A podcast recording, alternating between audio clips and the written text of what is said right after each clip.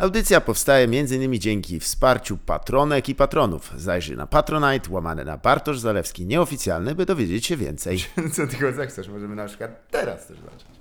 Dobra, to zacznijmy teraz. W sensie po prostu ta, tam to było tak głupie, że jakby, proszę cię, jakby już muszę się trochę pocenzurować. No, Jasne, teraz Dobra. jest już tak, No. tak, dobrze. Jedziemy teraz. Nie no, bo chciałem złapać twoje typy na, na Nobla 2021, e, ale to mm, dodam tutaj po prostu w poście. Powiem jakie były i że zgadliśmy. I już Mhm. Albo nie zgadliśmy. Nie, nie, bo dostał e, e, po raz Stefani Meyer dostała nie, w końcu, uznana po latach. Em, nie, ale co, Co, co, co? Co? Nie, Boże, nie, wybacz mi. Wybacz nie, mi, więcej nie, kawy. to- Na to się Więcej na- kawy. na to się dałeś. Tak. Mm. Za twórcze rozwinięcie sagi, Tak. że nie osiadła posadze zmierzch na laurach. Em, co ci się najbardziej rzuciło w odróżnieniu, no bo Tirana to też duże miasto, to nie jest przecież jakiś tam e, Byłeś?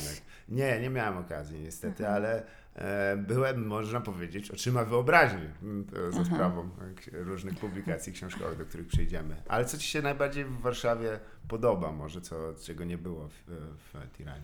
Taka absolutna przewidywalność wszystkiego. Że wychodzę Mhm. z domu i jest chodnik i nie ma żadnej dziury, w którą mogłabym wpaść. Tak. Że staję na przystanku i wiem, o której, której przyjedzie autobus i on rzeczywiście przyjeżdża. Mhm. Że wiem, że jak przechodzę przez jezdnię, to kierowca się zatrzyma, a nie przyspieszy na mój widok. E, że e, nie będę przechodziła obok zwierząt umierających w agonii, które Mhm. mi potrafią pomóc. Tak. A, no a z drugiej strony są te wszystkie rzeczy, których nie ma w Warszawie i których mi brakuje. Mhm. Czyli niesamowite światło w Mhm. Albanii, takie ostre, Mhm. Turku, jakby, które sprawia, że niebo jest tur turkusowe i woda jest szmaragdowa i Mhm. jest to absolutnie wspaniałe. E, To, że wszyscy mają czas Mhm. i zawsze mogą do mnie wpaść, bez zapowiedzi nawet. Że zawsze jest czas na kawę, że ta kawa się przedłuża i nikt się nie zastanawia, że musi wracać do obowiązków, bo stosunek do pracy jest zupełnie inny. Jasne. I trochę inne jest podejście do czasu. Tak.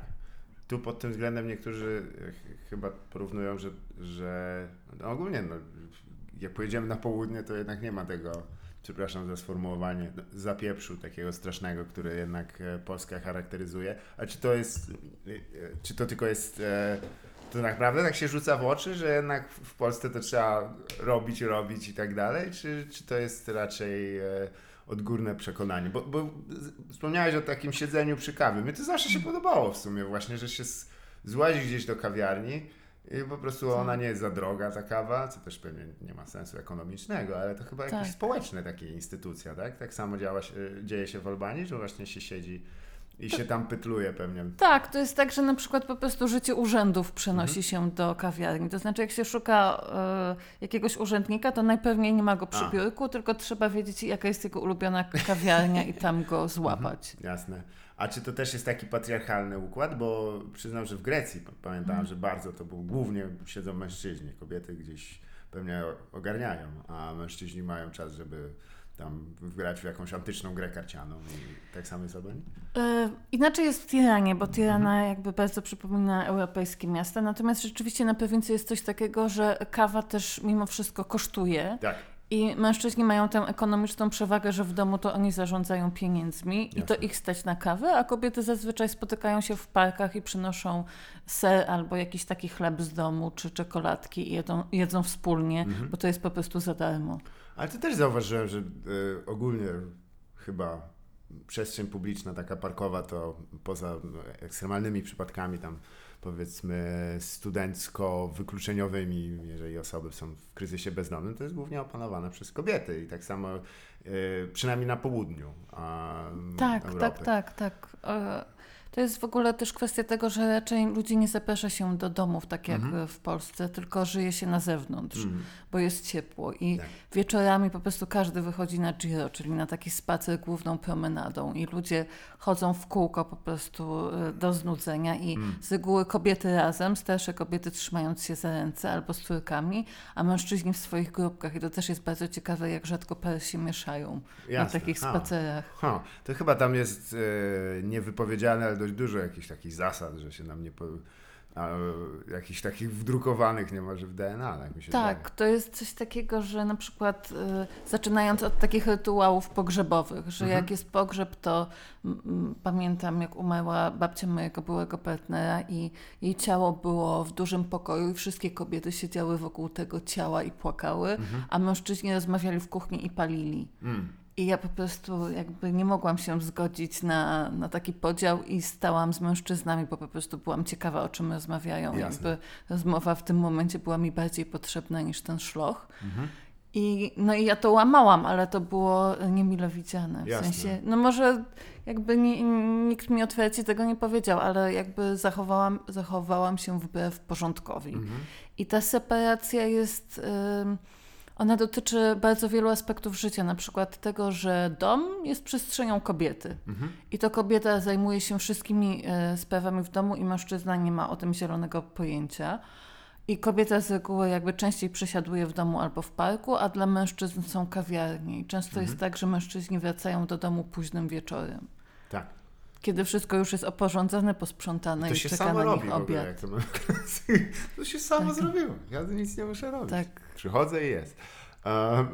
Faktycznie te, te, ale jest też, to, to tylko na chwilę się zatrzymując w tradycji tej pogrzebowej, czy, e, bo to jest też chyba figura taka, bym powiedział, e, takiej płaczki, e, czy to też się przynosi na sam kondukt, bo ja pamiętam jak, hmm, gdzie to było? Chyba na Cyprze miałem okazję widzieć właśnie kondukt pogrzebowy, to on był dość intensywny, to nie było tak jak u nas, że się po prostu idzie, szłapie się powoli, tylko wypłakiwanie oczu i taka to była emocjonalność taka intensywna. Wiesz, to jest takie, e, to było takie dosyć niezwykłe wydarzenie w moim życiu, bo mm, pochodzę z, z domu, jakby wy- wychowywałam się w takich realiach, gdzie śmierć była bardzo stabilizowana i był e, w moim domu bardzo duży strach przed śmiercią, jakby przed, przed, e, przed po prostu nieuchronną nieruchomością ciała. E, I e, wspaniałe było to pożegnanie albańskiej babci. Ona mi była szalenie bliska i w Albanii w ogóle taki jest zwyczaj, że ciało musi być pogrzebane na drugi dzień. O! Ale Okej. cały ten moment od, mo- jakby od chwili jej śmierci, przy której ja właściwie byłam, e, aż po moment jakby włożenia trumny do grobowca, to był taki czas, kiedy cały czas jest, e, jakby jest się obecnym przy tym ciele Mhm. i patrzy się na to ciało i są takie powtarzające się rytuały żegnania z tym ciałem, nawet całowania tego ciała, jakby dotykania tego ciała. Więc naprawdę jest czas, żeby y, widzieć po prostu, jak to ciało się zmienia, sztywnieje i mieć świadomość, że ta śmierć jest absolutnie definitywna. A potem jest wyprowadzenie zwłok w otwartej trumnie przez klatkę schodową, jest procesja. Jasne. I na koniec jest polewanie jakby tego ciała winem. I Au. takie um, opatulanie go. I dopiero potem e, zamyka się wieko trumny, ale nawet nie e, gwoździami, tylko po prostu tak się je zamyka i ciało jest złożone do grobowca. I to wszystko jest takie bardzo widoczne. Mhm. Ale co, jak, to tak sobie myślę, że jednak e, problemem chyba czasami właśnie z takim, bo to też jest jakby zwyczaj, który był praktykowany. E, dostaliśmy tu wiadomość na bieżąco od Weroniki, że pan albo pani Górne. Nie, nie znamy. Może to Marta Górna, nie, moja koleżanka, em, która się zajmuje recenzjami filmowymi. Ale nie sądzę, mam Nie. nadzieję. A, bardzo ciekawe. Mhm. E, pisarz z Tanzanii. O, no to z Nie, enklawy, tak? Przepraszam, a tutaj Słynnej Wera... tanzańskiej. Zanzibar pisze, Zanzibar, Zanzibar, tak. Tanzania. Jasne. No cóż, to, to na pewno interesujące. Przyznam, że to jest zwykle dość dobry klucz w sumie, żeby poznać też trochę. O, Tak, coś przyznam. absolutnie A. jakby nieoczekiwanego i też widzę tutaj w, Guardian, w Guardianie, że kwestie kolonializmu by, były poruszane w jego tekstach. No, mam no, nadzieję, No coś no. bardzo ciekawego, co otwiera też jakby, co wzmocni jakby pewien rozdział w, dy, w debacie publicznej Ja coś czuję, że jak jest pis, pisarzem z Zanzibaru, to nie, nie, o piłce nożnej nie pisze e, za dużo. To to Tak. nie zachwyciło. On pisze o gwiazdach. no było coś. Nie, ale tylko dziwny przeskok teraz między taką celebracją a, a, a, a pogrzebem. Ale ja pamiętam kiedyś, że w Polsce też mieliśmy zwyczaj, żeby jednak ciało było w, w, w domu. Tylko pamiętam, że, że e, U nas to był problem, jak się trochę do bloków ludzie przeprowadzili, że to Tak. jednak, jednak problematyczne bardzo wyciąganie trumny po schodach. Ja pamiętam taką sytuację w Rumunii, że em, wracałam wieczorem późnym do, do swojego domu w, w takich małych blokach w, w peryferyjnych dzielnicy.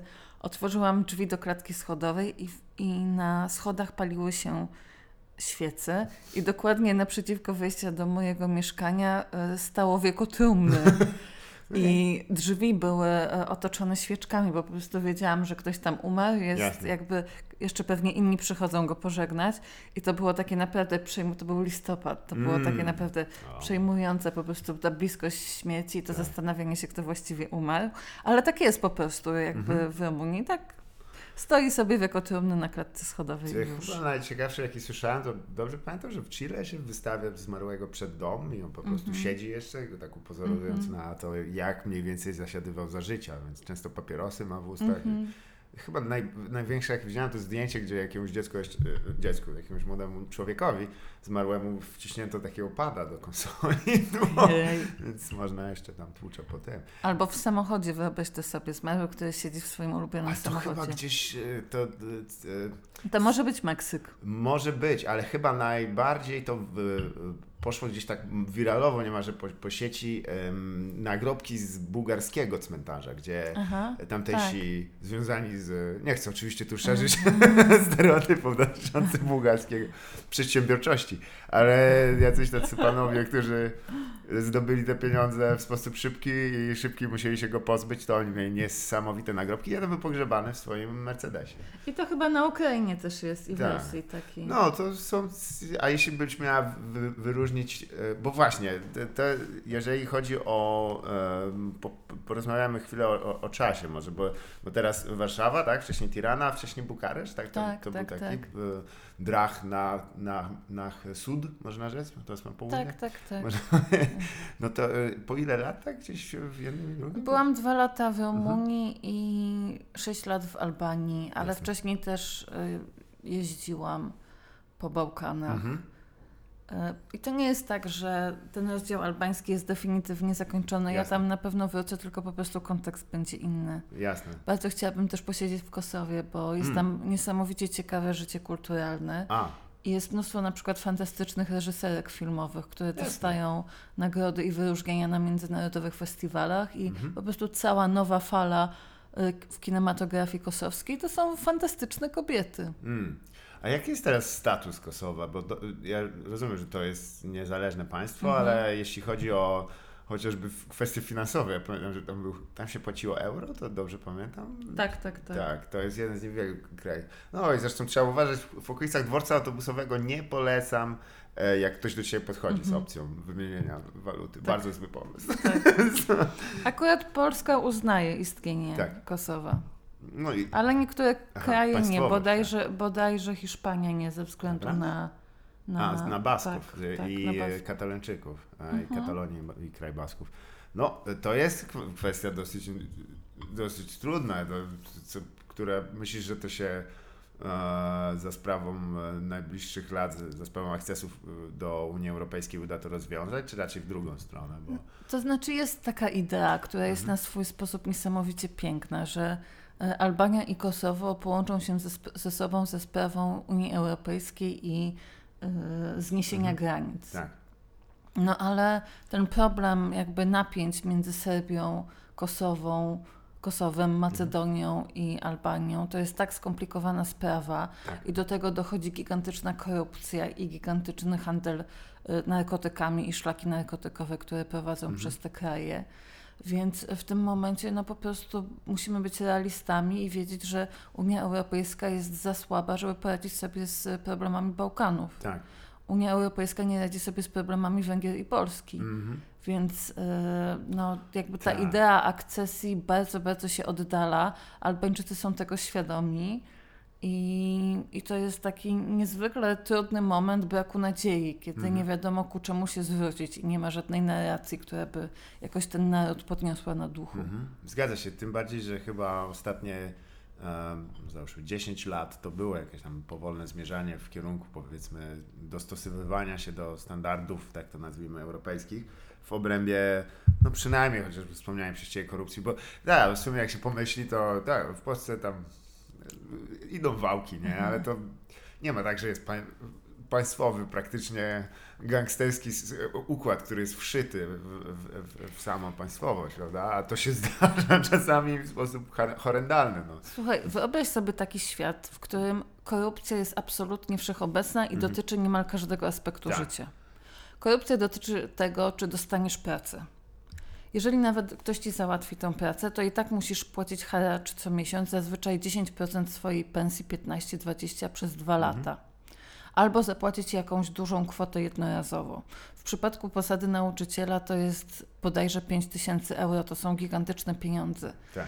A potem na przykład zmienia się władza, przychodzi partia soc- socjalistyczna i obsadza posady nauczycieli swoimi ludźmi.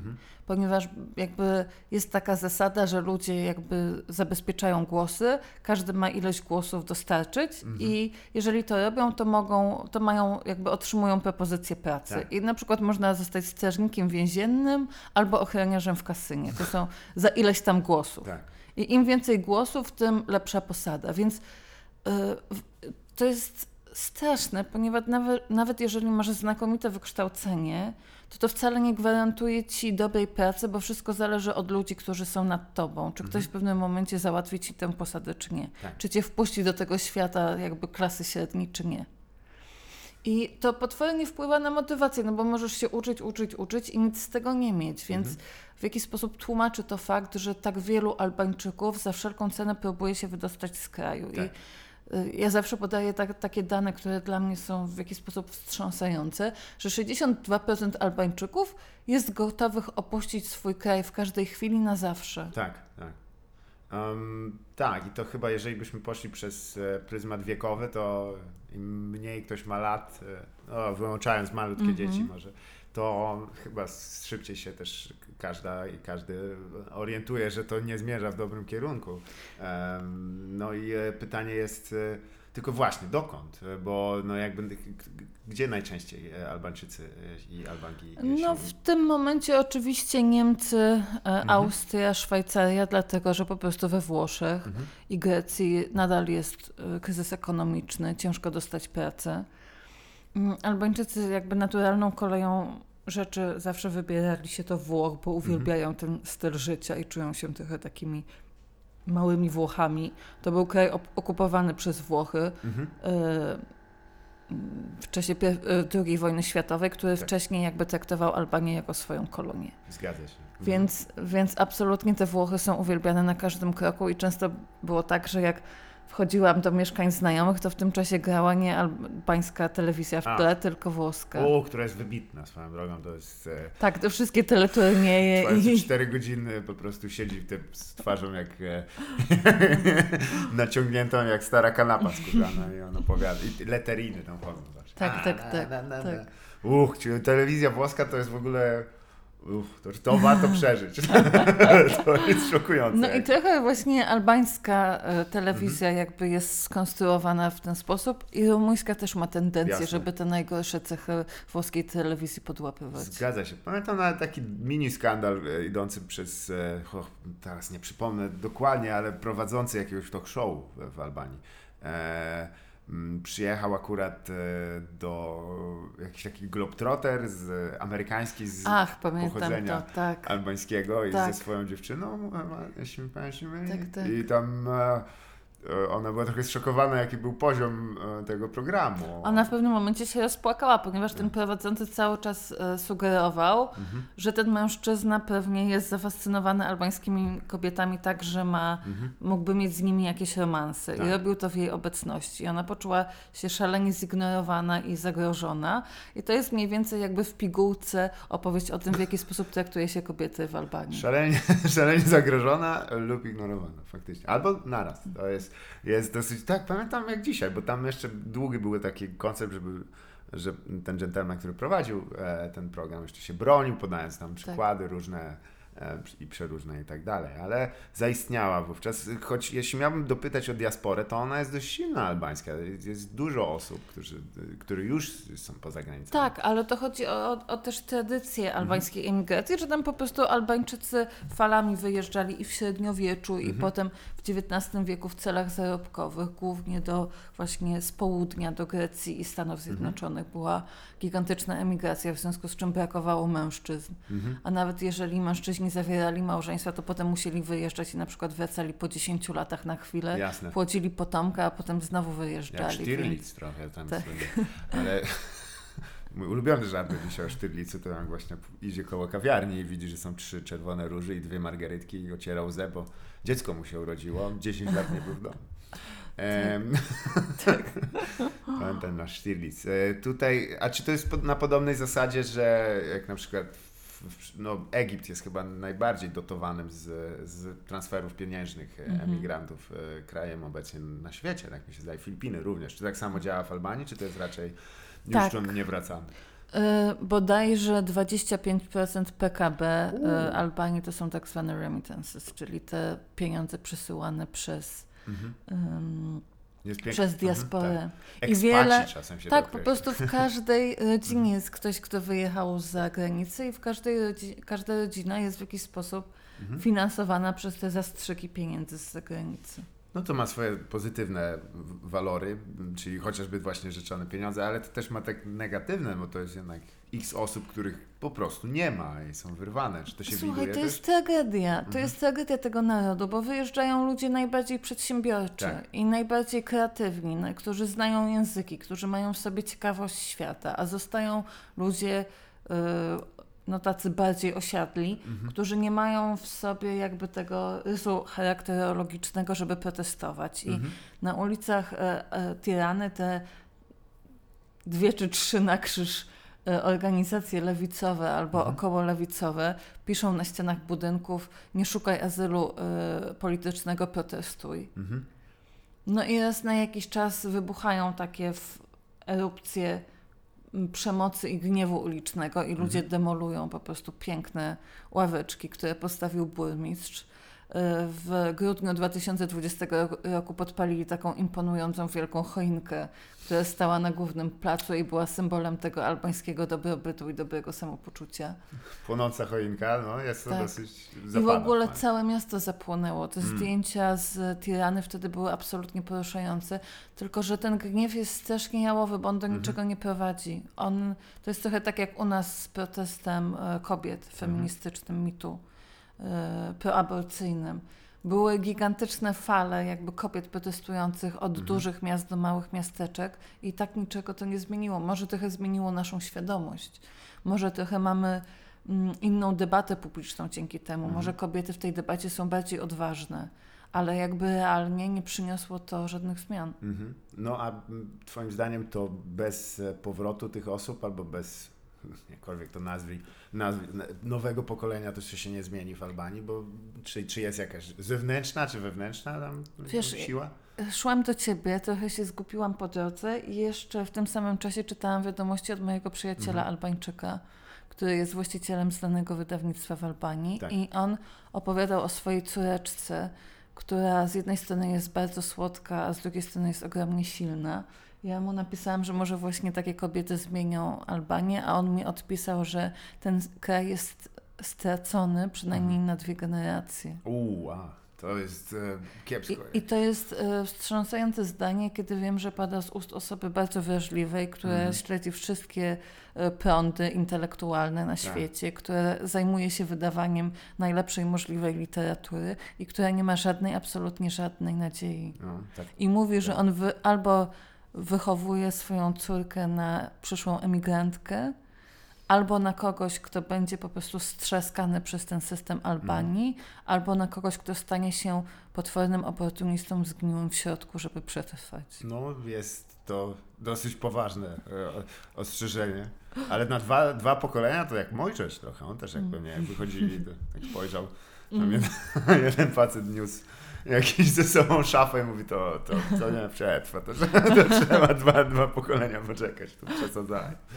No je- jest to jakieś dosyć przygnębiające, ale żeby może odbić, to e, b- może znajdźmy jeszcze jakieś tam momenty Ach, sorry, bo się muszki, muszki się zagnieździli, jak to mamy klasyk. To jeszcze ten owocowo, ja tu nie mam owoców. To mnie zawsze martwiło. Kiedy Ciebie się pojawiło właściwie? Kiedy pierwszy raz byłaś na Bałkanach? To, to um, musiał być kawałek czasu Ojej, to była taka bardzo śmieszna sytuacja, ponieważ ym, ja dopiero co skończyłam pracę magisterską, dostałam się na studia doktoranckie i w tym czasie albo chwilę wcześniej Dunin mi powiedział, że przyszły pieniądze z Ministerstwa Kultury na wydanie mojego debiutu. Jasne. Tylko, że tej książki nie było. A, no to... Ponieważ Dunin cały czas opowiadał, że nie ma absolutnie żadnych szans, żebyśmy to stypendium dostali i żebym się w ogóle nie, nie przejmowała O. i nieważne, że nie ma książki. To się, to się nazywa sterowanie na rafę, licząc, że jej nie ma. Ale, I to znaczy, był czerwiec Mhm. i Donin powiedział, że książka musi wyjść do końca roku, bo pieniądze przypadną. Więc ja się ogromnie zdenerwowałam. I z tego e, zdenerwowania postanowiłam, że pojadę na Bałkany, żeby się odciąć trochę od tego problemu, że trzeba napisać szybko książkę. I zrobiłam wtedy trasę Bułgaria, Rumunia, Turcja. Mhm. I oczywiście byłam absolutnie oczarowana Stambułem i Mhm. jego gęstością, ale miałam coś takiego, będąc w Rumunii, że po pierwsze przeczucie, że już tam kiedyś byłam, Mhm. a po drugie takie przeświadczenie, że ja doskonale wiem, jak ten kraj działa, mimo Jasne. że on działał na pozór bardzo nielogicznie i chaotycznie. I to jest naprawdę tak, mimo że ta przestrzeń była niesamowicie przytłaczająca i Bukareszt w, w 2009 roku to było zupełnie inne miasto niż Mhm. jest teraz. Teraz jest wygładzone, europejskie, jakieś takie dużo bardziej racjonalne.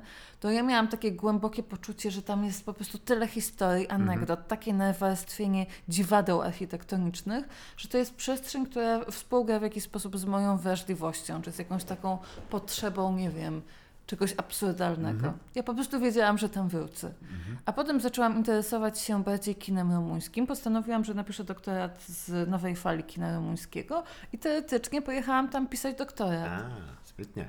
Na miejscu ten. E, No tak, bo rumuńskie kino, jeśli chodzi o ten obieg niezależny, to niezależny albo bym powiedział bardziej taki, e, no nie wiem właściwie, ambitniejszy, o tak mogę to określić, to moc, mocne miało e, ostatnie 15 Lata, lat. tak, tak, tak, to jest-. E, Kino ukochane przez wszystkie festiwale międzynarodowe. To się Nawet tak mocno tak, zaczęło tak. od śmierci pana Lazarescu, Christiego Puju, no a potem był ten niesamowity sukces fi- kolejnych filmów Christiana Mungiu. Mhm. I nadal po prostu jakby ostatnio nawet w kinie Muranów y, rozmawiałam właśnie z Łukaszem Knapem o, o filmie Niefortunny numerek czy Szalone porno. Tak, tak, teraz obecnie. E, Radu. Żudę. I Radu Żudę to jest w ogóle taka osoba, która napisała do mnie po tym, jak Bukareszt się ukazał po Mhm. rumuńsku, że absolutnie właśnie taka książka była potrzebna, bo ona zbiera tematy, o których w ogóle się nie dowiemy w szkołach Jasne. rumuńskich, więc y, taką. Zawsze czułam z nim pewną łączność duchową, a ona się potwierdziła, kiedy on sam jakby z własnej nieprzymuszonej woli napisał do mnie na Facebooku. No, y, jeżeli bym szukał jakiegokolwiek tam wspólnego elementu tych, tych filmów, oprócz tego, że e, już nie będę tutaj wywoływał, który reżyser mówił, Mhm. że on nie będzie tego oglądać, żeby mi tu jakaś kobieta z Rumunii opowiadała o aborcji i że co on się z tego ma dowiedzieć. No cóż, no nie wiem, już każdy ma swoje tam zakresy wrażliwości, ale e, dość często tym właśnie punktem sp- wspólnym jest jednak e, zderzenie tych, tych, tych ludzi z takim jednak monolitem systemowym, który tam jest jak uch, wyhamowanie dość potężne. I czy, czy mm, jesteś w stanie to potwierdzić? Miałeś jakąś, jakąś sytuację, gdzie to w twoje życie weszło, że ten taki, jakby to nazwać, e, e, to, to, to drugie oblicze tego społeczeństwa rumuńskiego, bo mm, można je postrzegać właśnie przez pryzmat takiego trochę, o, tutaj kombinatoryki, tutaj tego, jakaś tam śmieszny kologra na, na flecie przygrywa zawsze w tle, ktoś, no, no, no, ale z drugiej strony to jest jednak dość e, poważny problem, który tam dalej jest, ta korupcja i tak dalej. Czy ciebie to dotknęło? A w Rumunii akurat nie, też dlatego, że mm, nie weszłam tak głęboko w to społeczeństwo. Nie byłam tak powiązana rodzinnie i, mm, i emocjonalnie, jak byłam w Albanii. Mhm. Ale w Albanii przy, pamiętam taką śmieszną sytuację, że bardzo długo nie mogłam dostać papierów e, pobytowych i w ogóle system nie przewidywał, że ktoś może być pisarką, freelancerką i z tego powodu jakby w tej, w tej Albanii siedzieć i oni się strasznie bali mi wystawić potrzebne papiery. Jasne. W sensie chodziłam między instytucjami, między ministerstwami i zawsze brakowało jakiegoś dokumentu. Oni za każdym razem wymyślali kolejny dokument, łącznie z tym, że jedna baba po prostu w pewnym momencie dostała szału, bo ja już byłam na skraju wy, załamania nerwowego i ona jakoś przeniosła te moje emocje i zaczęła mi krzyczeć y, jest pani pisarką, dlaczego nie może pani napisać książki o Albanii w Polsce? Musi pani tu być w Albanii, żeby pisać książkę o Z Albanii. Ministerstwa Turystyki zapewne Tak. taką miała światłą myśl. Tak, i, e, i w pewnym momencie już brakowało mi tylko jednego em, dokumentu z Ministerstwa Pracy Mhm. i ten facet szalenie nie chciał mi go wystawić. I ja wielokrotnie do niego przychodziłam i w pewnym momencie już to była taka absurdalna sytuacja, że zaczęłam do niego e, krzyczeć, że po prostu e, opiszę to wszystko w książce, że to jest Mm. sytuacja kawkowska, że Mhm. w ogóle nie wyobrażam sobie tak nieracjonalnego traktowania, że to jakby przychodzi ludzkie pojęcie. Znaczy, no nie, nie, nie krzyczałam, bo to było raczej już rozpacz.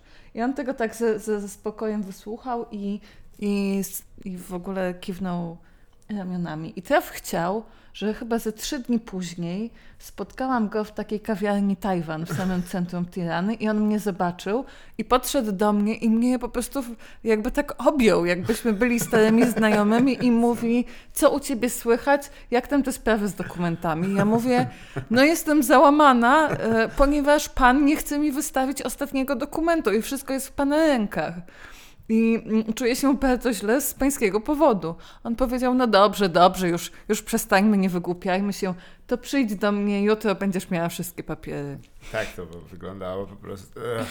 I w Ale- ten sposób tak. otrzymałam prawo pobytu w Albanii. Ale to jest, e, wiesz, no, ja trochę dziwnie to zabrzmi, ale jestem w stanie to zrozumieć, bo no, ten gentleman, ten pan się od, przed kimś odpowiada. On przed, tam inna osoba i ktoś na samym końcu musi jakby być rozliczony z tego, że podjął e, no, precedensową decyzję. Tak, to jakby to jest... To jest widzę te tysiące osób, Nie, w tej, w tej całej sytuacji tak naprawdę widać dokładnie jakby mechanizm działania systemu. To Mhm. znaczy, ja przychodziłam do tego mężczyzny tak często i tyle mu jakby opowiadałam i miałam w sobie tyle frustracji, że w pewnym momencie on już się przyzwyczaił do tych moich wizyt.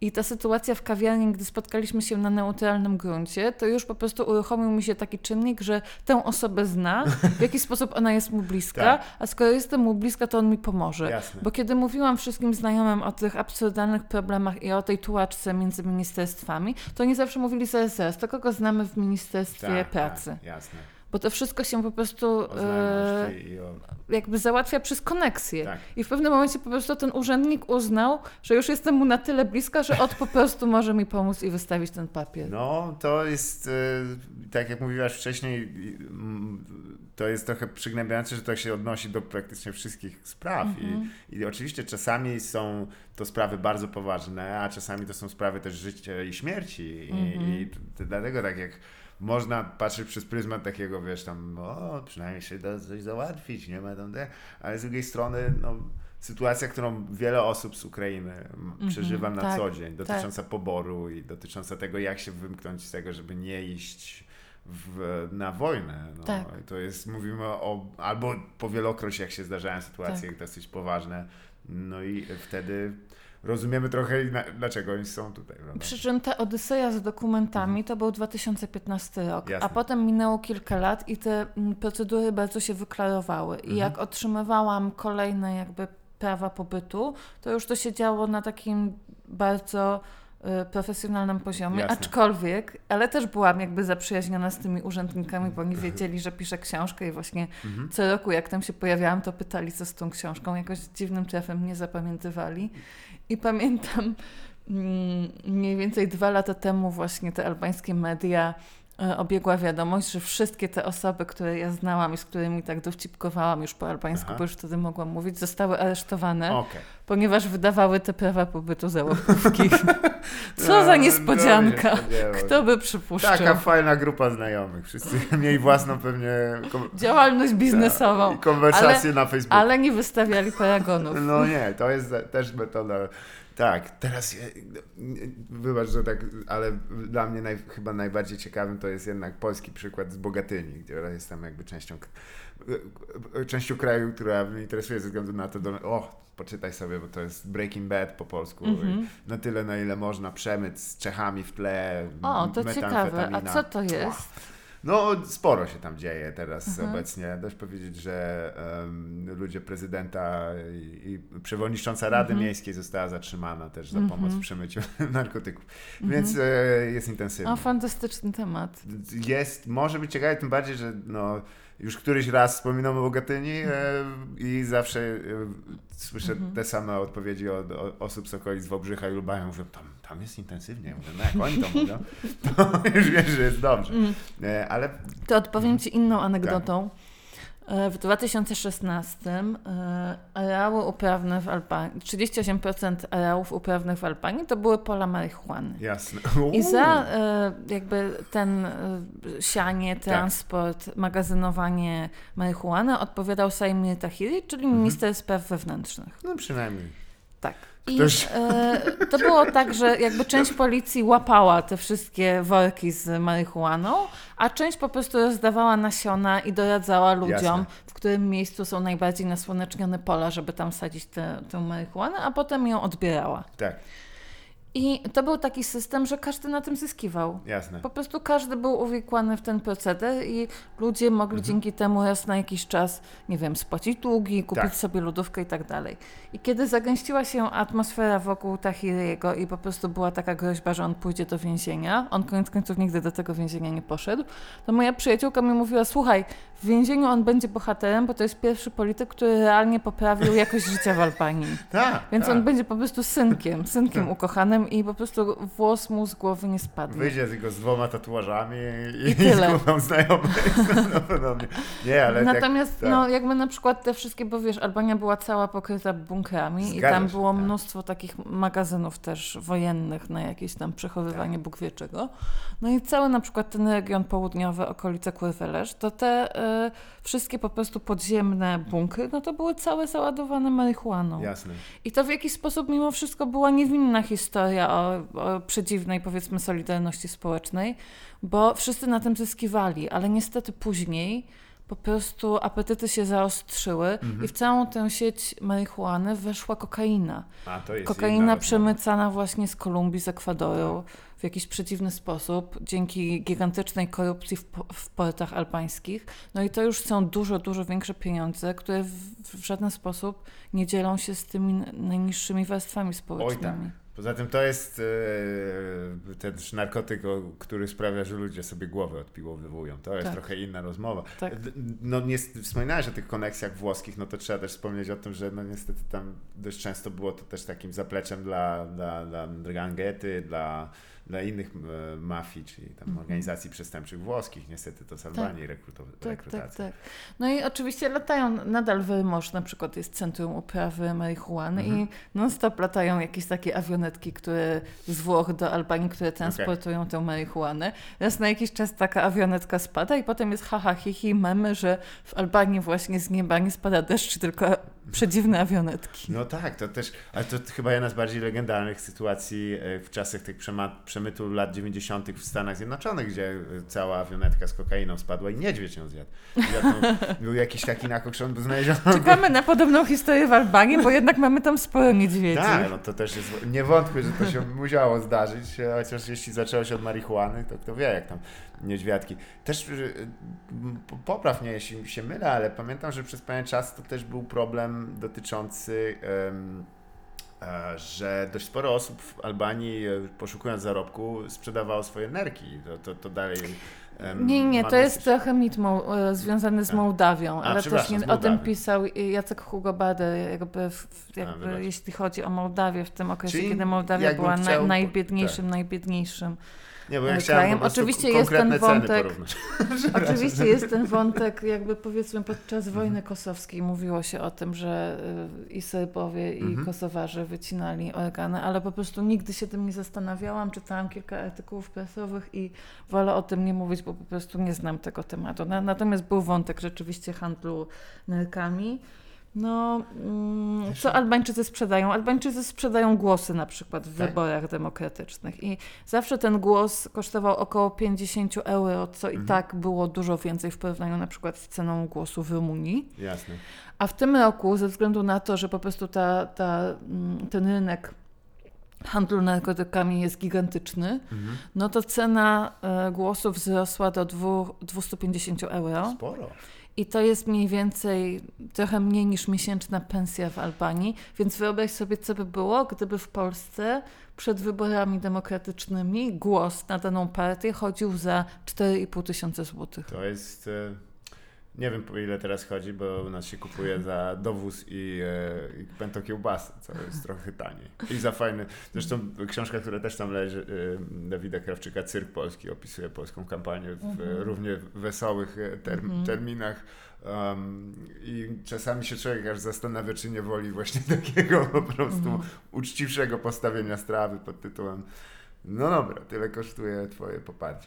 No Ale- na przykład też jest taki system, że y, mm, trzeba wziąć ze sobą do głosowania telefon komórkowy, żeby Mhm. pokazać potem zdjęcie karty karty, wyborczej, a potem można mm, w niektórych przypadkach ten telefon zostawić sobie.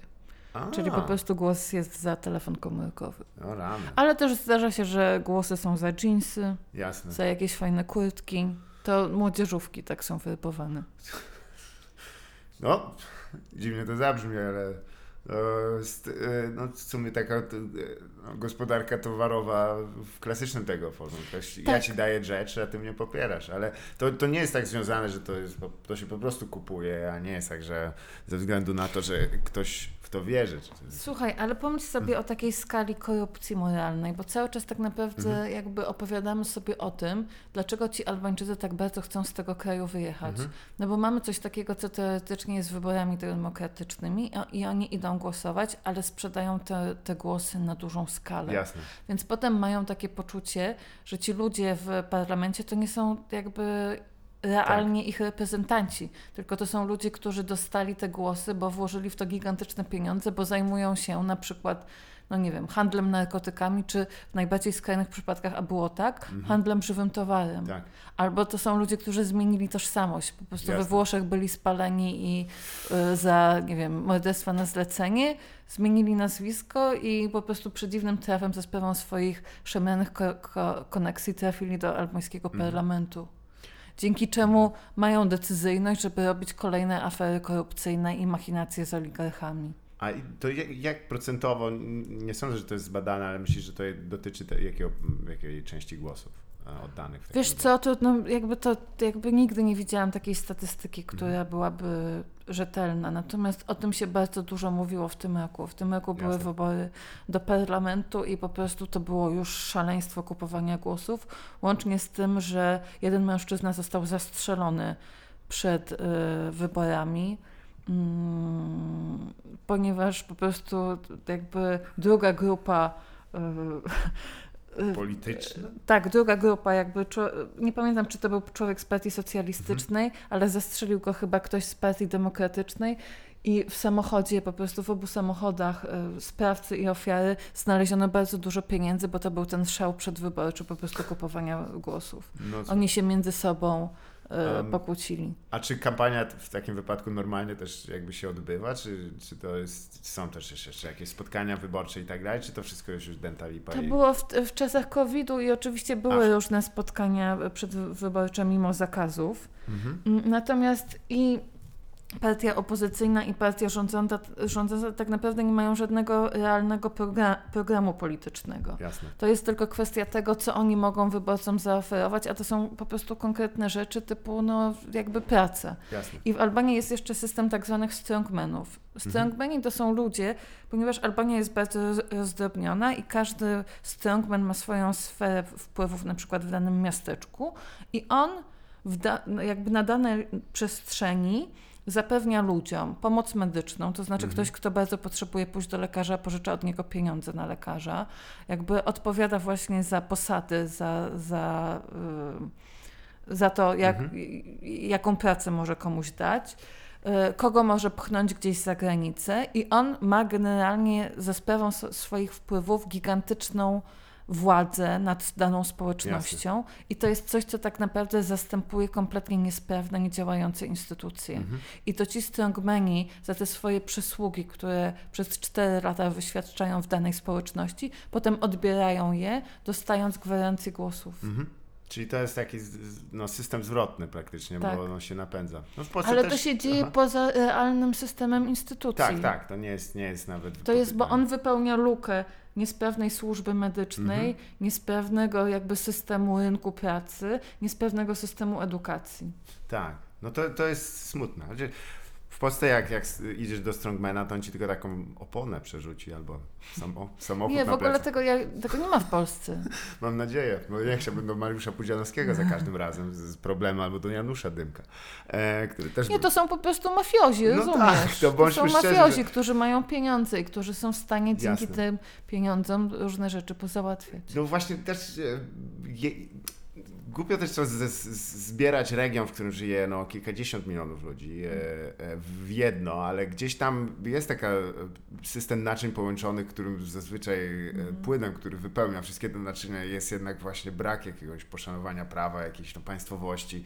I każda Mołdawia ma swoje naddniestrze, które znowu też wypełnia pewne jakieś luki tego, co brakuje. E, I czy Twoim zdaniem od tej Twojej pierwszej wizyty w latach 2000, jak to brzmi w ogóle? Popatrz, jak dawno temu, w latach 2000. No, starzejemy się. Ja na pewno. Tak, jeszcze jak, jak ten, jak i tutaj jak, jakieś utwory e, kontemporarne wówczas. E, Drago Standing Day chociaż. Ale czy to się zmieniło na gorsze, czy, czy raczej na... Czy, czy jest jakaś poprawa, by, byś powiedziała, ogólna? Bo em, pewne elementy udało się chyba troszeczkę powstrzymać, ale pojawiają się absolutnie nowe, związane z Tak. taką globalizacją chociażby tego, o czym wspomniałaś, tej przestępczości. To, Tak. E, czy to idzie ku lepszemu, czy raczej... No jakby y, każdy kraj trzeba by tutaj omawiać Mhm. osobno i nie jestem niestety taką ekspertką od Bałkanów, żeby Mhm. teraz po kolei mówić, co w danym kraju się zadziało. Natomiast w Rumunii na, Rumunia na pewno doświadczyła znacznego wzrostu Mhm. go- gospodarczego, no bardzo istotnego. Tam y, wzrósł szalenie mm, PKB na osobę. Mm, Natomiast y, jakby największym taką, największą poprawą w Rumunii jest niesamowita działalność biura antykorupcyjnego. A, tak, to I jest, to, że tam jest... posadzono szalenie dużo polityków, burmistrzów, jakichś wysoko postawionych ludzi, łącznie z tym, że dobrano się do skóry byłemu premierowi. Mhm. I, i parę, taki, paru takich naprawdę znaczących y, polityków posiedziało w więzieniu. Tak.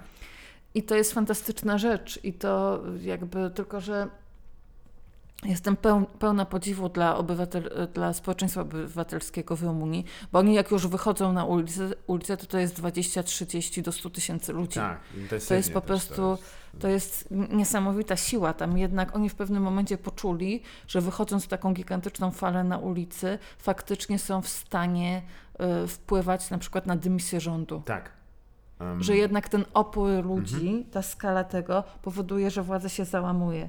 Tak. A u nas nie udało się tego przeprowadzić. W sensie jakby mm, no, rząd pozostał z kamieniem, mimo że ta fala protestów społecznych też była Mhm. gigantyczna i porównywalna z tymi protestami rumuńskimi. Jasne. Tam się to przekuło może... A czy myślisz, że to z, wynika też z tego, że no jednak doświadczenie takiej dość... I w wypadku Rumunii, w Rumunii chyba najbardziej, no takiej dyktatury z prawdziwego zdarzenia, takiej Mhm. nie, nie ma żartów, prawda? Mhm, Bo tak. bo to jest dość intensywnie, może to też jakoś zasiało taką, że jeżeli już e, idziemy e, po sprawy, to po to by się zmieniały diametralnie, a nie tylko by się poczuć wspólnie lepiej. No przede wszystkim jakby to jest ta energia sprawczości. Kiedy oni zaczęli wychodzić na ulicę i protestować gigantyczną falą w obronie regionu Roshia Montana, gdzie Mhm. miało zostać zalanych cyjankiem kilkanaście przepięknych, malowniczych wniosek, żeby wy- wydobywać z tamtego rejonu złoto. Mhm. I tym się miał zająć koncert kana- koncern kanadyjski i to wszystko po prostu było szalenie szemrane i podszyte łapówkami. I to się zaczęło od garstki osób i przerodziło w gigantyczny bunt społeczny. Jasne. I Roshia Montana została ocalona. Mhm. I to był taki pierwszy przełom, kiedy ludzie po prostu poczuli swoją siłę i poczuli wspólnotę na ulicach. Tak. I od tego momentu po prostu zaczęli wychodzić na ulicę regularnie. Mhm. I myślę, że to, że u nas w jakiś sposób ten protest mitu się y, załamał, to oczywiście jest kwestia COVID-u i, i, i takiego w ogóle osłabienia psychicznego nas związanego z COVID-em, ale też tego, że po prostu y, no, Prawo i Sprawiedliwość, oni są e, absolutnie po prostu impregnowani na Mhm. nastroje społeczne. I po prostu realizują swoją wizję, kompletnie ignorując ten gigantyczny opór społeczny tej drugiej strony. No, chyba też no, gra liczb tutaj im sprzyja, że nie trzeba być, e, póki się ma pewne mechanizmy w obrębie e, demo, społeczeństwa polskiego, czyli takie jak właśnie no, Sejm i inne ciała ustawodawcze, to i dość woli takiej, żeby jednak się nie oglądać, to możesz to robić do momentu niestety. No dzieje się coś, ja mam takie poczucie, że dzieje się coś przeciwnego, bo z jednej strony Mhm. na każdym kroku widzimy, jak łamane jest prawo w Polsce Tak. i te wszystkie sytuacje są abso- absolutnie niepraworządne i i to jest po prostu straszne, że Unia Europejska nie ma odpowiednich mechanizmów, żeby zareagować na łamanie prawa w Mhm. Polsce. Natomiast z drugiej strony ja mam poczucie, że jednak coś bardzo ciekawego dzieje się w debacie publicznej, ponieważ cały czas po prostu y, pewne tematy są wałkowane i Mhm. myślę, że to, co się dzieje po prostu w ruchu feministycznym w, Polsce, w Polsce, jeśli chodzi o idee i pewne pojęcia i narracje i w ogóle powroty pewnych tematów, to jest coś, co na przykład mówiła mi moja przyjaciółka z Czech, Petra Hulowa, pisarka, że tego po prostu w Czechach jeszcze nie ma. Mhm. Że na przykład nie ma pojęcia w Czechach e, dzban, jakby Jasne. idei dzbana w ogóle, albo Jest dziadesa. dzbanek. To jest. Tak. Ale to jest coś zupełnie innego. Że po prostu jakby nazwanie w ogóle zjawiska dziad, dziadesa i Mhm. problemu tej władzy, którą oni mają na, nad dyskursem i próba przełamania tego, Tak. jakby Petra Hulowa twierdziła, że w Czechach jeszcze tego nie ma. Że, że taka idea nawet się nie pojawiła. Jasne.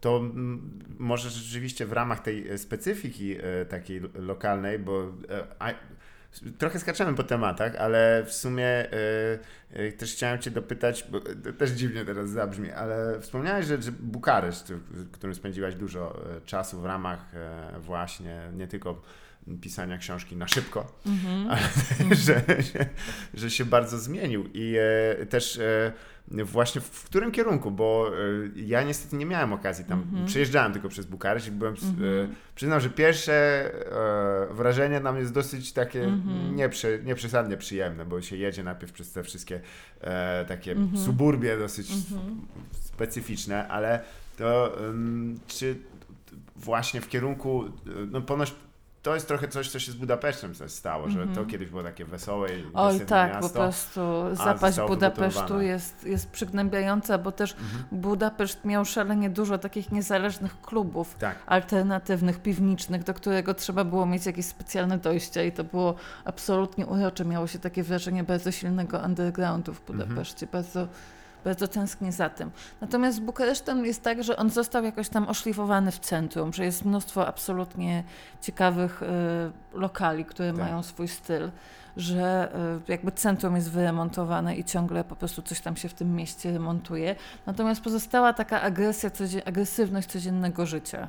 Mhm. Na przykład to, że niemal wszyscy używają samochodów, bo nadal y, transport publiczny jest niesprawny. W Mhm. związku z czym brakuje miejsc parkingowych. Ja już nie pamiętam tych danych, ale Bukareszt ma najmniej miejsc parkingowych na liczbę samochodów. O, okej, to Mm, Więc po prostu nieustannie są zawalone chodniki, więc nadal po prostu przejście y, ulicami i chodnikami Bukaresztu w mniejszych zaułkach jest po prostu straszliwą męką. Mhm.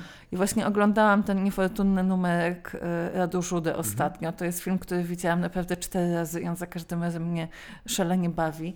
I tam na początku ta pierwsza część jest taka dokumentalna i ona pokazuje codzienne życie w Bukareszcie. Jasne. I jest to rzeczywiście po prostu walka między pieszymi a kierowcami. Nieustanne po prostu e- erupcje agresywnego języka, chociaż u Żudę to jest bardzo podkręcone. Jasne. Ale też po prostu ta furia codzienności mocno wybrzmiewa w języku. Mm, przynajmniej w tym filmie oczywiście, ale w codziennym życiu też e, powiedzmy byłam świadkiem sytuacji, że na przykład mężczyzna spoliczkował kobietę w kolejce i nikt nie zareagował. O, Mm, więc zdarzają się i takie sytuacje. nie, to jest to, to intensywnie. Czyli też jeśli mam okazję, to dobrze kojarzę, że no jak Bu- Bukareszt też jest y, e, ze względu na poczynania Czałczesku i jego żony y, absolutnie też zmienił swoją tkankę miejską, tak? Bo tam było ten, ten, ten Tak, gigantyczny... tam na przykład była fantastyczna dzielnica Uranus, która została Mhm. całkowiecie zmie- zmieciona z powierzchni ziemi po to, żeby powstał Dom Ludu. Dom ludu, Czyli tak. największy budynek administracyjny w Europie i drugi pod Pentagonie, największy budynek administracyjny na świecie, przy którego budowie zginęła nieokreś- jakby nieoszacowana jeszcze liczba osób. Mówi się, że od 0 do 100. O rany.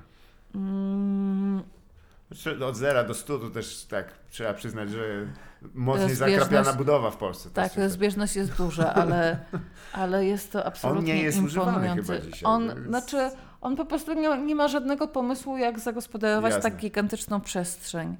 I tylko jakby nikły procent tego budynku jest y, wykorzystany, ale na przykład przez jakiś czas było tam Muzeum Sztuki Współczesnej w Bukareszcie. Prawdę mówiąc, nie wiem, czy jeszcze ono jest, ale wielu moich przyjaciół artystów mówiło mi, że po prostu nie chce chodzić do tego muzeum, właśnie dlatego, że ta przestrzeń domu ludu jest tak antyczłowiecza i tak po prostu przytłaczająca. I to jest w ogóle ostatnie miejsce, w którym Jasne. powinna być prezentowana sztuka, bo ona niknie w, w obrzydliwości tego Tak. monstrualnego budynku. Ale, ale jak myślisz, to co zrobić z czymś takim? Bo to jest, to już tam jest, ale co, co, co zaadaptować, zniszczyć, e, za, Wiesz zazielenić? co? Opowiadać o tym, bo to Mhm. jest absolutnie syn, jakby symbol ym, no, takiej megalomanii reżimu, ale też jego zapaści. Tak.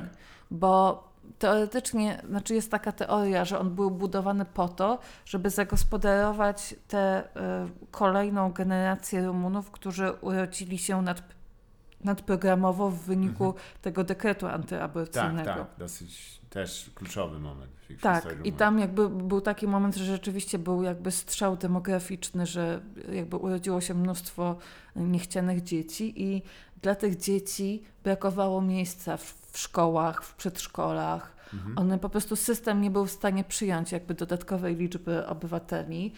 Powstał ten projekt budowy Domu Ludu też jako taki sposób, żeby dać im pracę, żeby jakoś ich zająć. Powstało, powstał w czasach, kiedy w Rumunii były gigantyczne problemy i z e, energią cieplną, Mhm. i z oświetleniem, i z prądem, i z jedzeniem. To był czas po prostu no, no, niemal głodu, a przynajmniej potwornego kombinowania jedzenia.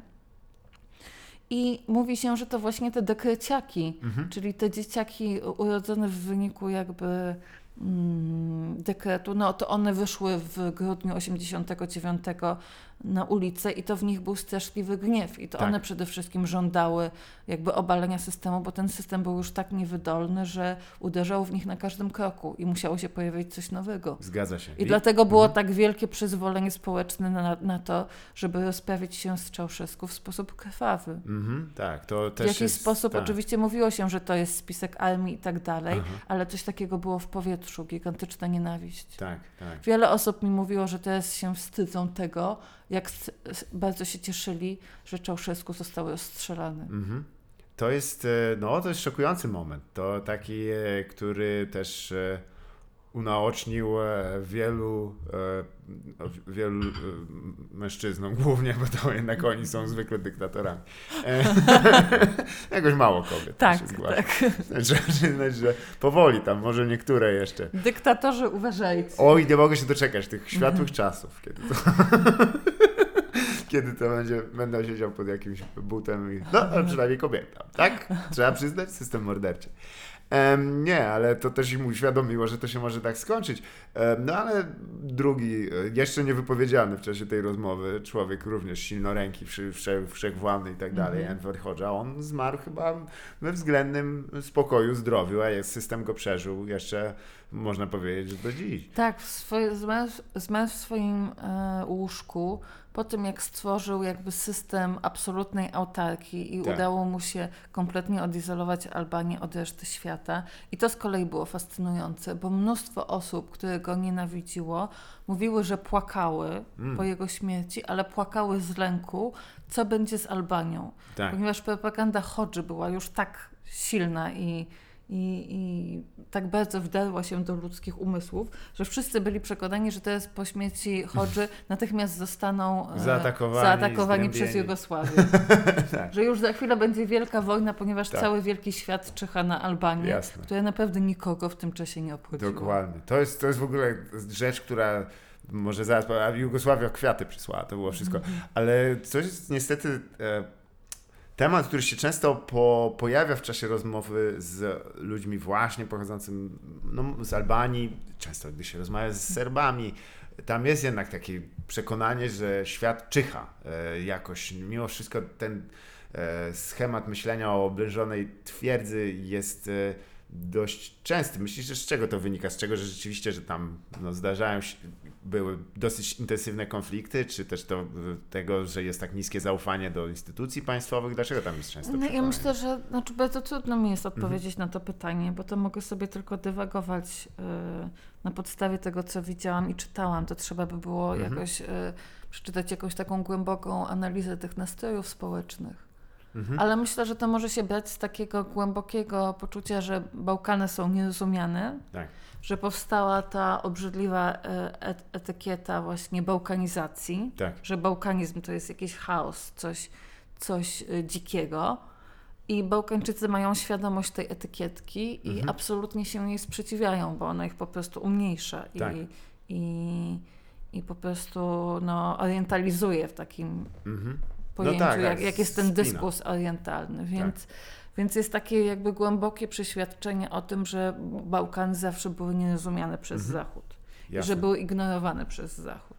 Tak, a w przypadku Albanii to rzeczywiście objawem tego było takie nastawienie się zamienienie w twierdzę tego, tego kraju, bo to jest właściwie rzecz, o którą też chciałem spytać. Skoro mamy ten dom ludów w, w, Mhm. w Bukareszcie, no to chyba takim symbolem będą te bunkry, prawda? Ich jest tam Tak, tak, takiego. ab- a- absu- znaczy jest już ich coraz mniej, ponieważ Mhm. jakby każdy bunkier można, jakby rozbijając, można dostać około 300 euro za, za złom z tego bunkera, więc po prostu wszyscy masowo. Są, są jacyś łowcy bunkrów? Tak, tak, już O, tych bunkrów Boże. naprawdę jest bardzo niewiele. Naprawdę? To wszystko No. jakby, jakby te bunkry da się jakoś tam upłynnić na rynku.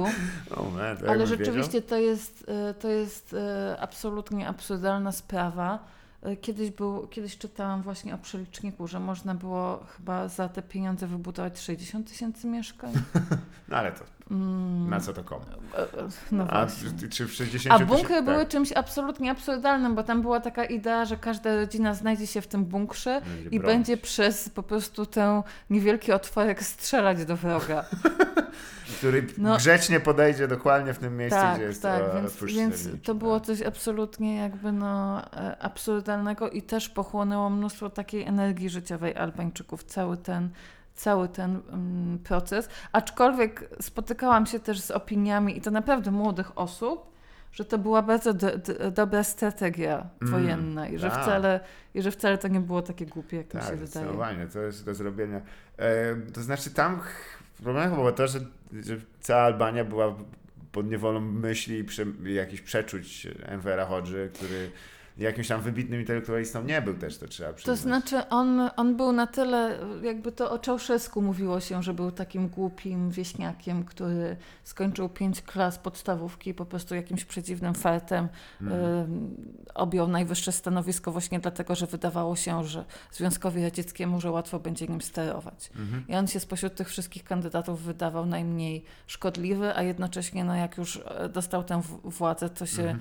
w, niezwykły, w niezwykle skuteczny sposób do niej przystał. Mhm. Natomiast Enver Hoxha właśnie miał taką e, etykietę intelektualisty, który skończył studia we Francji. Oczywiście to była nieprawda, bo on e, bodajże dwa lata tylko studiował Mm. botanikę w, Mon- w Montpellier.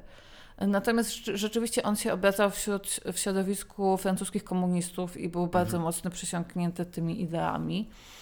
Mm, No, I, to- I też aha. zawsze był prezentowany na tle swojej gigantycznej biblioteki pełnej w ogóle książek zakazanych. Więc on miał, y, i, y, on miał właśnie jakby taką etykietę mężczyzny książki, intelektualisty. Tak. I rzeczywiście pilnował, żeby w jego otoczeniu nie było ludzi z wyższym wykształceniem.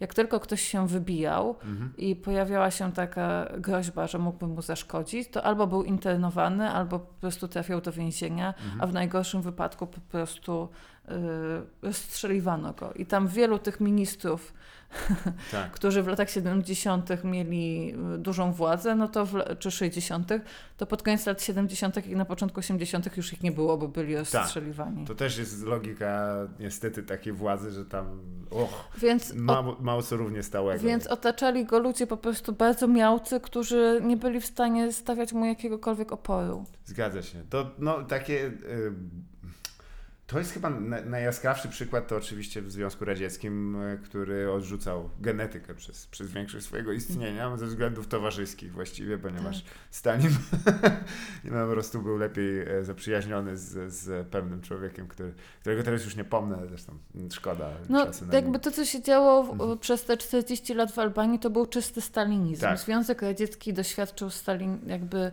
doświadczył tego terroru w latach 30., 40. i do 53 roku, natomiast do śmierci Stalina. Natomiast w Albanii ten stalinizm po prostu był absolutnie niereformowalny. Tam Mhm. okres je- jeden, jedyny odwilży trwał 4 lata, kiedy można było na przykład słuchać jazzu, Tak, a potem jazz znowu był zabroniony. zgadza I jedyne, czego można było słuchać w radio, to był albo muzyka folklorowa, chwaląca Mhm. ojczyznę, albo muzyka klasyczna. A, no to e, patrząc teraz, e, jak to się teraz, teraz ma? Bo skoro są tak pod wpływem Włoch, no to prawdopodobnie Mhm. też i szansonistyki e, italiańskiej, która jest wybitna, Tak, tak, tak. Tam jak człowiek chce, pojedzie, szczególnie polecam na, na prowincję włoską pojechać i posłuchać sobie tak, no mają swoją muzykę, ale uch, się trochę nudzi po, po, kilku No tak, jeśli chodzi o tę muzykę albańską, to Mhm. rzeczywiście jest to głównie jakaś taka muzyka y, dyskotekowa i popowa. O dziwo jest bardzo mało hip-hopu. Mm, Natomiast zwróćmy uwagę na fenomen muzyki z Kosowa, no bo Tak. przecież jakby Rita Ora mhm. I mm, te wszystkie fantastyczne jakby piosenkarki Dua Lipa Tak. chociażby, jeszcze wiele, Ona wiele... też jest z tak, Kosowa? tak, oczywiście. I w ogóle no jakby Kosowo miało i swojego, i swój punk, i swo- Tak. fantastycznego rocka i z reguły jeżeli mam do czynienia z jakąś fantastyczną muzyką albańską, to ona jest z Kosowa. Tak, to ciekawe. No, to jest niesamowite, jak O. kultura w Kosowie i życie kulturalne w Kosowie, jak promieniuje w Albanii, która wydaje się na tym tle absolutnie ziemią jałową. Hmm. Może, może to też wynika z tego, że no, y, jest y, tak, no, młodym też krajem, ale też z mniejszym takim wpływem. Jak, jak No przede tego. wszystkim Albania była przez dekady iz- izolowana i nie miała dostępu do Tak. tych wszystkich nurtów, Tak, tak. natomiast Kosowo było częścią Jugosławii i miało to otwarcie na świat. Zgadza się. Choć przyznam też, że, że Prysztina jest jednym z bardziej intensywnych miast, jakie Mhm. odwiedziłem w życiu. Tak. E, no, to jest ciężka miłość. no, tam nie jest za ładnie, to można tak to określić na pierwszy rzut oka, ale gdzieś pod tym się chyba właśnie kryje, może czasami tak jest, że, że, że te takie ładne miejsca, wszystkie takie wyś, wyśmigane i tak dalej, Tak. gdzie wszystko te, tak, tak, to nie będzie nic ciekawego. Ja uwielbiam Kosowo, bo Kosowo mi się kojarzy z tą moją pierwszą podróżą Mhm. tam, kiedy ja się pojawiłam jakby w takim klubie, do którego po Mhm. prostu y, uczęszczali artyści i intelektualiści i miałam takie poczucie, że wszyscy, wszyscy chcą ze mną rozmawiać Jasne. i natychmiast zaczęła się rozmowa o Dostojewskim i natychmiast zaczęli mnie pytać o ostatnią książkę Jonathana Fenzena, której nie czytałam. O nie! I nagle okazało się, że po prostu oni mają taką wielką potrzebę łączności z, ze światem, że nie chcą być prowincją. Tak, czyli e, no, to, to, to, to się chwali. E, W szczególności, że no jest e, o Kosowie, to większość osób słyszało głównie przez pryzmat e, Wojny. wojny i, Tak. i em, roku 99 głównie, tak? Tak, Dobrze pamiętam? 98, 90. 99 i 8. No 97, 90. Nie, 98, tak, tak. 97. Tak, tak, sły- słynne te. I do dzisiaj zresztą w- w centrum Belgradu, jak się pojedzie, te budynki nie są remontowane Tak. e, i to jest jakby taki też... Tak. E, jeżeli Amerykanie chcą dowiedzieć, dlaczego w, Serbii nie są lubiani, to zazwyczaj w ten sposób. To już jest koniec. No. Właściwie jak się pogada z kimkolwiek z Serbii, to on się zaraz uruchamia i go, no dobra, no dobra. Tak. I to się bardzo zmieniło w ostatnich latach, te nastroje takie antyamerykańskie. W, w Serbii to jest też jakby kolejny temat, który, w Ach. który już nie wchodźmy. Oj, to, to są też intensywni ludzie, tam jest zawsze poszukiwanie, aż ktoś przyjdzie i nas przygarnie do serduszka.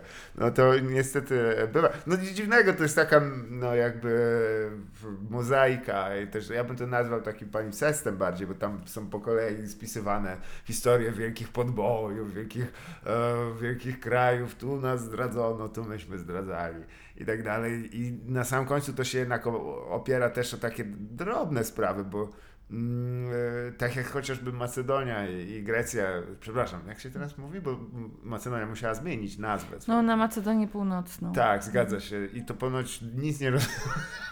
że sprawa jednak się okazuje, że jest głębsza niż to. Tak. Ale drugim elementem jest e, to, że ja też przyznam, mam, zostały w moim sercu zawsze ten, ten rejon dosyć e, ciepło wspominany ze względu na wizytę na festiwalu w Gucci, który Mhm. był takim tak. miejscem dosyć no, ciekawym. No, to ciężko nie lubić tego miejsca. Mhm. Oczywiście, jak się chce odpocząć, to to nie jest dobre. Bo tam, nie wiem czy tak masz, ale ja miałem mm, tak, że wyjechałem chyba i jeszcze przez tydzień każdy utwór, który słyszałem, to było jak pa, pa, pa. zamieniał mi się automatycznie mózg na ten, na ten turbo folk, e, który jest potwornie się wkręcający w głowę. Czy ty tam, będąc to, szukasz takiej muzyki, czy raczej wolisz się alienować od niej? Mm, Nie byłam nigdy możliwe, w Guczy, natomiast uwielbiam na przykład takie sytuacje, Mhm. Bo mm, na pozór jakby Albania nie jest takim bardzo muzykalnym Tak. krajem jak Grecja, no bo na przykład Mhm. Saloniki kojarzą mi się z tym, że z każdego lokalu wylewa się muzyka na żywo. Jest mnóstwo jazzowych klubów i ta scena Mhm. muzyczna jest niesamowicie żywa. Ale zdarzały mi się takie sytuacje przede wszystkim na południu kraju, że nagle pojawiała się grupa mężczyzn, która zaczynała muzykować. Mhm. I robili to nie dlatego, że chcieli pieniądze od osób Jasne. przechodzących, tylko po prostu się spotykali i chcieli sobie pograć. I to były takie najpiękniejsze momenty, kiedy czułam jakiś, jakiś rodzaj takiej głębokiej łączności z tym krajem, że Tak. dzieje się coś nieoczekiwanego i że jest to piękne. No właśnie, bo też e, coś, co nasz wspólny znajomy e, e, powiedział kiedyś, że też ludzie patrzą na siebie przez pryzmat tematów, które poruszasz w książkach, że o, to pewnie, że jeszcze się spotykałem z tobą, no pewnie będzie mulenie, bo jakieś tam gadka o jakichś ponurych sprawach tam, wiesz, że, że się e, cmentarz osunął i pogrzebał kogoś. I, Tak, ale to też e, chyba, wiesz, czy ty wspominasz te lata spędzone i w, i w, w Rumunii, w, Albanii źle? Czy to czy rzeczywiście jako takie? Nie, no absolutnie nie. Jakby myślę o tym z wielką czułością, też dlatego, że to były zupełnie inne realia niż w Polsce. Ja Mhm. się musiałam do, do siebie, ja, musiałam się do tego dostosować i to był taki po prostu bardzo intensywny bardzo intensywne ćwiczenia osobowości, kiedy jakby trzeba reagować na różne sytuacje, czasem nieprzyjemne i trzeba trochę pokazać siłę charakteru Mhm. i nigdy takie sytuacje nie wystąpiłyby w Polsce. Ja się w Polsce czuję szalenie bezpieczna i po prostu jakbym Mhm. była w jakimś takim kokonie, wszystko mi się tutaj zgadza. Jasne. Jakby moje życie jest absolutnie pozbawione jakichkolwiek stresów i niepokojów. Natomiast kiedy pojawiam się na Bałkanach, to tam często jakieś drobne sytuacje są obarczone jakby błędem, głębokim błędem systemu. Tak. No i wtedy trzeba reagować i to zupełnie jakby zmienia czujność. Jasne. Zaczynając od tego, że niewinna podróż autobusem może jakby mieć jakieś szerokie konsekwencje, bo ten autobus może się zepsuć, Mhm. może nagle pojechać w inną stronę, kierowca może zmienić zdanie Tak. co do trasy i jest to zawsze jakiś pewien, y, może zawsze się pojawić pewien element chaosu. No Jasne. i to po prostu wzmacnia czujność, ale no nigdy nie doświadczyłabym tego w Polsce. Jasne. Wielu takich sytuacji też kompletnie nieoczekiwanych, kiedy ludzie nagle okazywali mi jakąś wielką hojność, albo zapraszali mnie do swojego domu, albo lądowałam w jakimś pięknym miejscu, Mhm. bo ktoś mnie gdzieś podwiózł. Mhm. Ale nie musiałeś pchać autobusu, bo to jest legendarne. Nie. że pan kierowca mówi, no dobra, słuchajcie, jesteśmy w tym razem. to mi się zawsze podoba, taki nagły zryw Solidarności.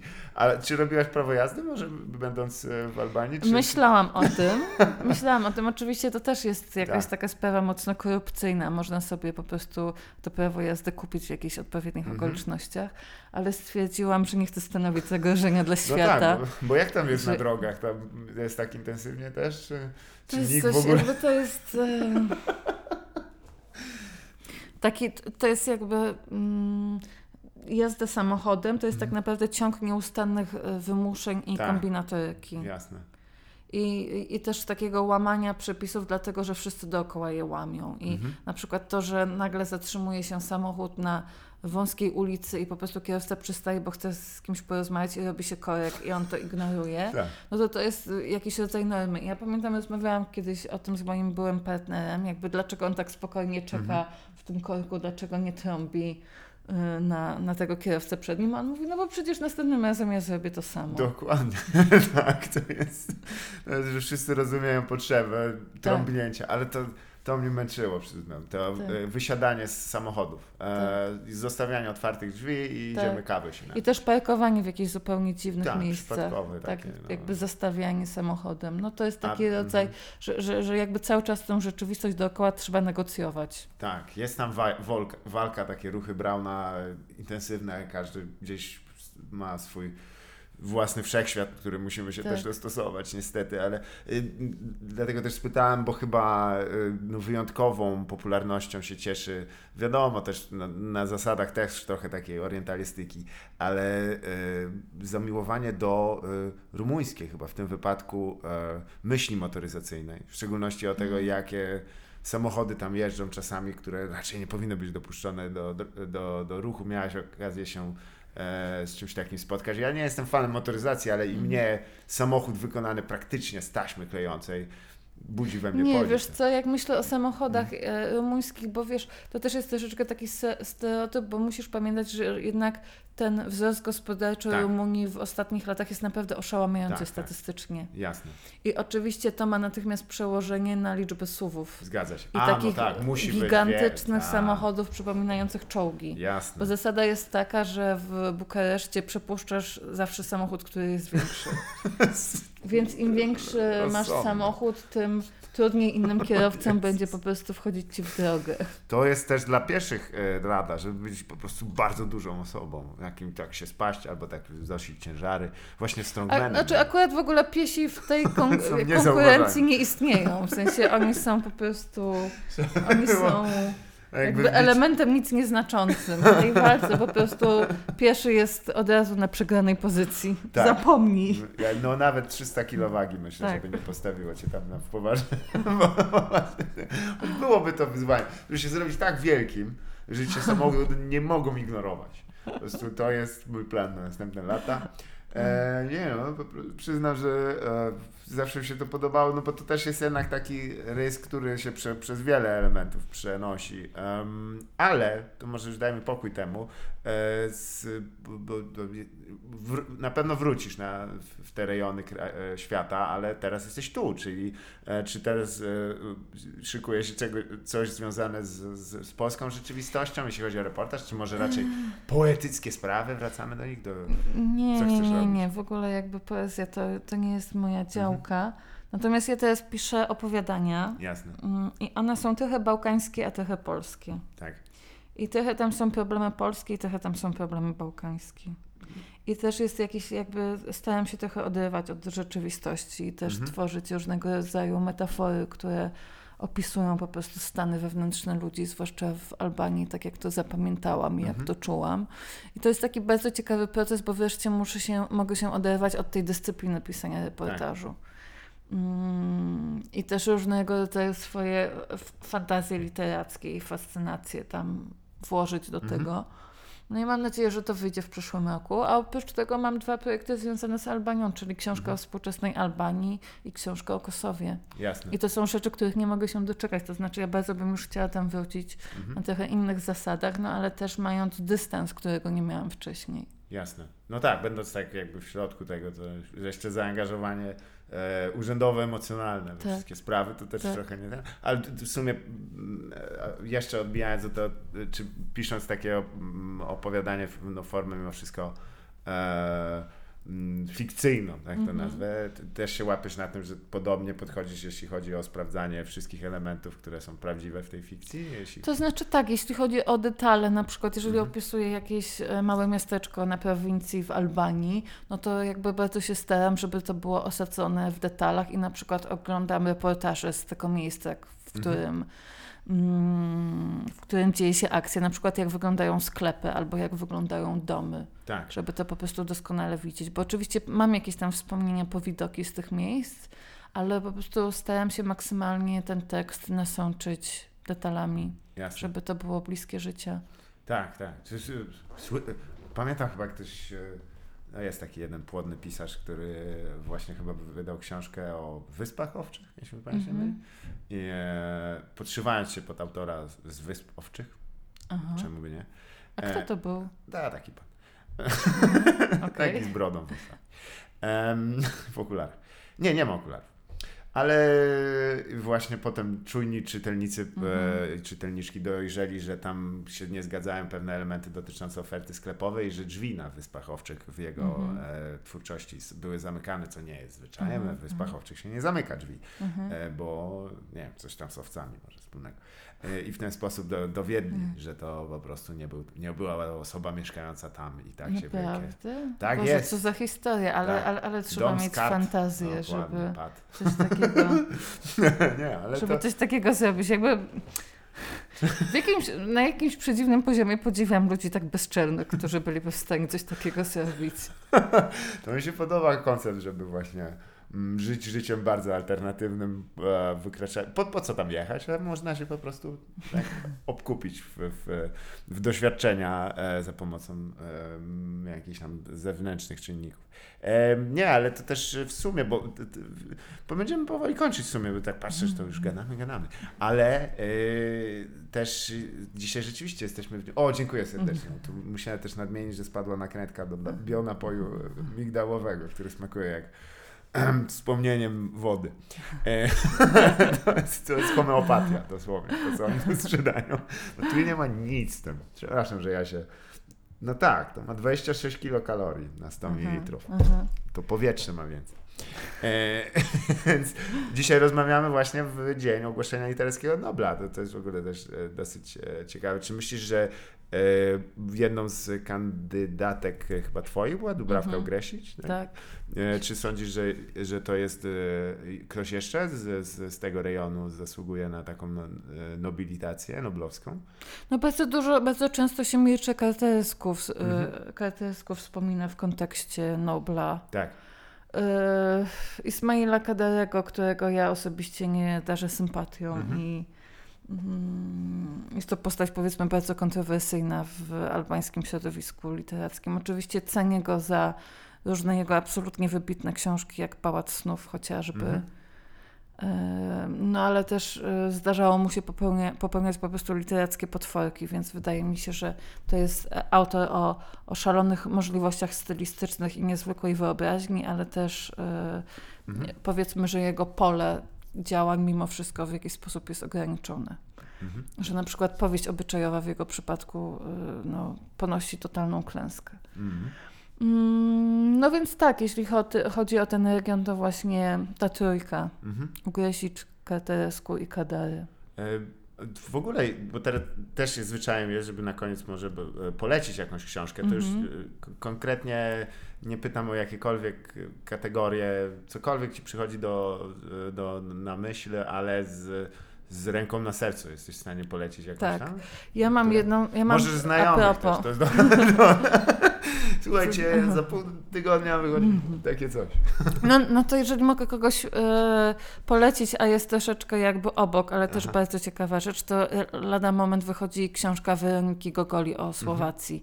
Ja jestem tej książki szalenie ciekawa, bo o Słowacji się bardzo mało pisze, a wiem, że Weronika jest niesamowicie utalentowana i jestem ogromnie ciekawa, jak w ogóle jak w ogóle mm, dała sobie radę, a na pewno Mm. dała sobie radę właśnie w tej roli reporterskiej, no to, to, to wyjdzie w Sulinie w wydawnictwie Czarne koniecznie.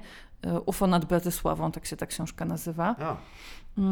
A z takich rzeczy, które dla mnie są bardzo ważne, jeśli chodzi o Bałkany, to to jest książka Kultura kłamstwa Ugrysić. mhm. Ja naprawdę marzę o tym, żeby ta książka została kiedyś przetłumaczona na albański, bo ona świetnie pokazuje mechanizmy społeczeństwa patriarchalnego Jasne, w tak. którym mężczyzna pełni dominującą rolę, a kobieta się podporządkuje, podporządkowuje i to jest fantastyczna analiza na poziomie rodziny, na poziomie ulicy i na poziomie języka. Tak, tak. Tutaj też że trzeba zaznaczyć, że, że, że autorka już, no, to jej pisarstwo też e, się wiąże z tym, z, z tym, że ona ma, bardzo irytuje ludzi ponoć, e, e, też niektórych. No, jakby to jest, to jest niesamowita siła tych chorwackich pisarek feministek, że one Mhm. rzeczywiście jakby potrafią być w kontrze do tej męskiej debaty publicznej i forsować jakby swoją narrację i Mhm. mają w sobie wielką siłę, ale też no Ugryzić jest, bywa jakby oglom, ogromnie sfrustrowana i trochę ta jej ostatnia książka Lis jakby opowiada o tym,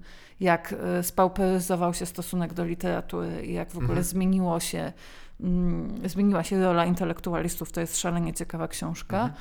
No a Slawenka Drakulicz, czyli kolejna jakby taka bardzo ważna postać, ona z tego co kojarzę była, nie wiem czy teraz jest od lat za granicą. Mhm.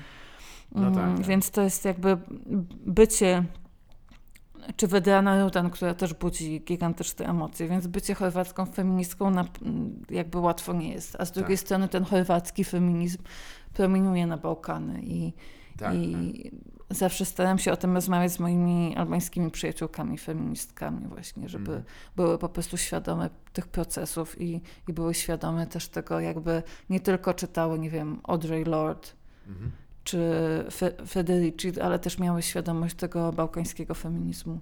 No i też nadmienię Drakulicz to chyba najfajniejsze nazwisko jakieś. Super. Tak.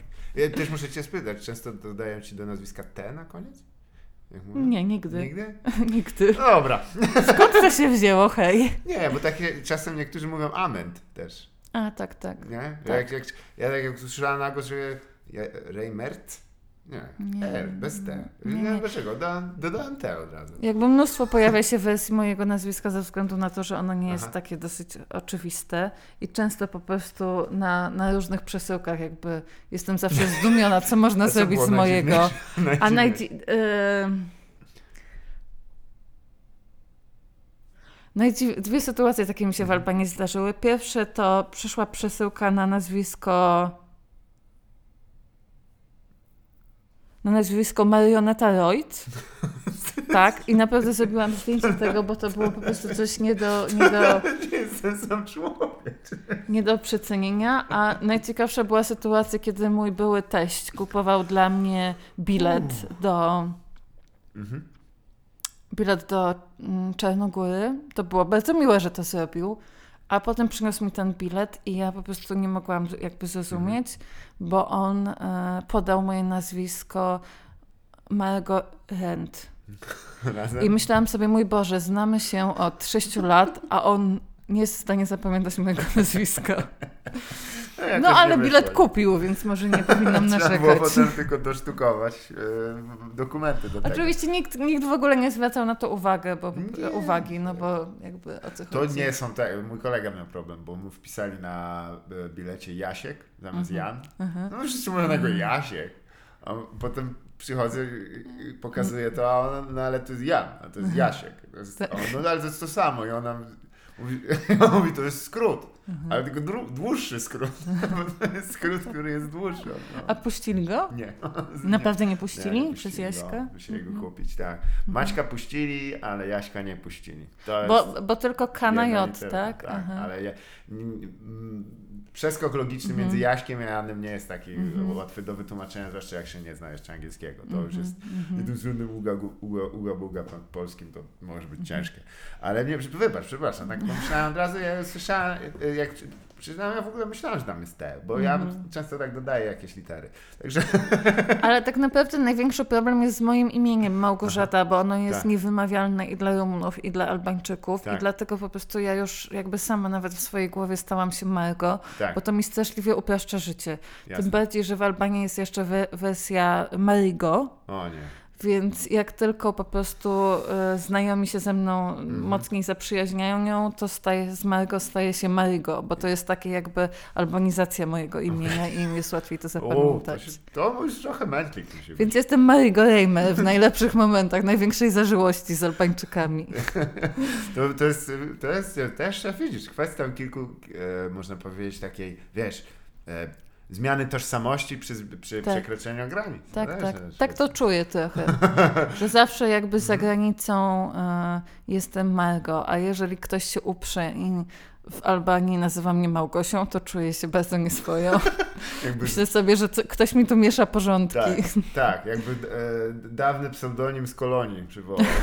Co? No ja, no w sumie ja, ja jestem na tym zdjęciu. Nie tak fryzury Nie, już uznaję to za jakiś akt takiej radykalnej zażyłości, A. jak ktoś przywołuje moją polską tożsamość. To niesamowite. No to tak, rzeczywiście, na, na, na, na wyg- nie na wygnaniu, ale może w duchy przeszłości wracają. Dobrze.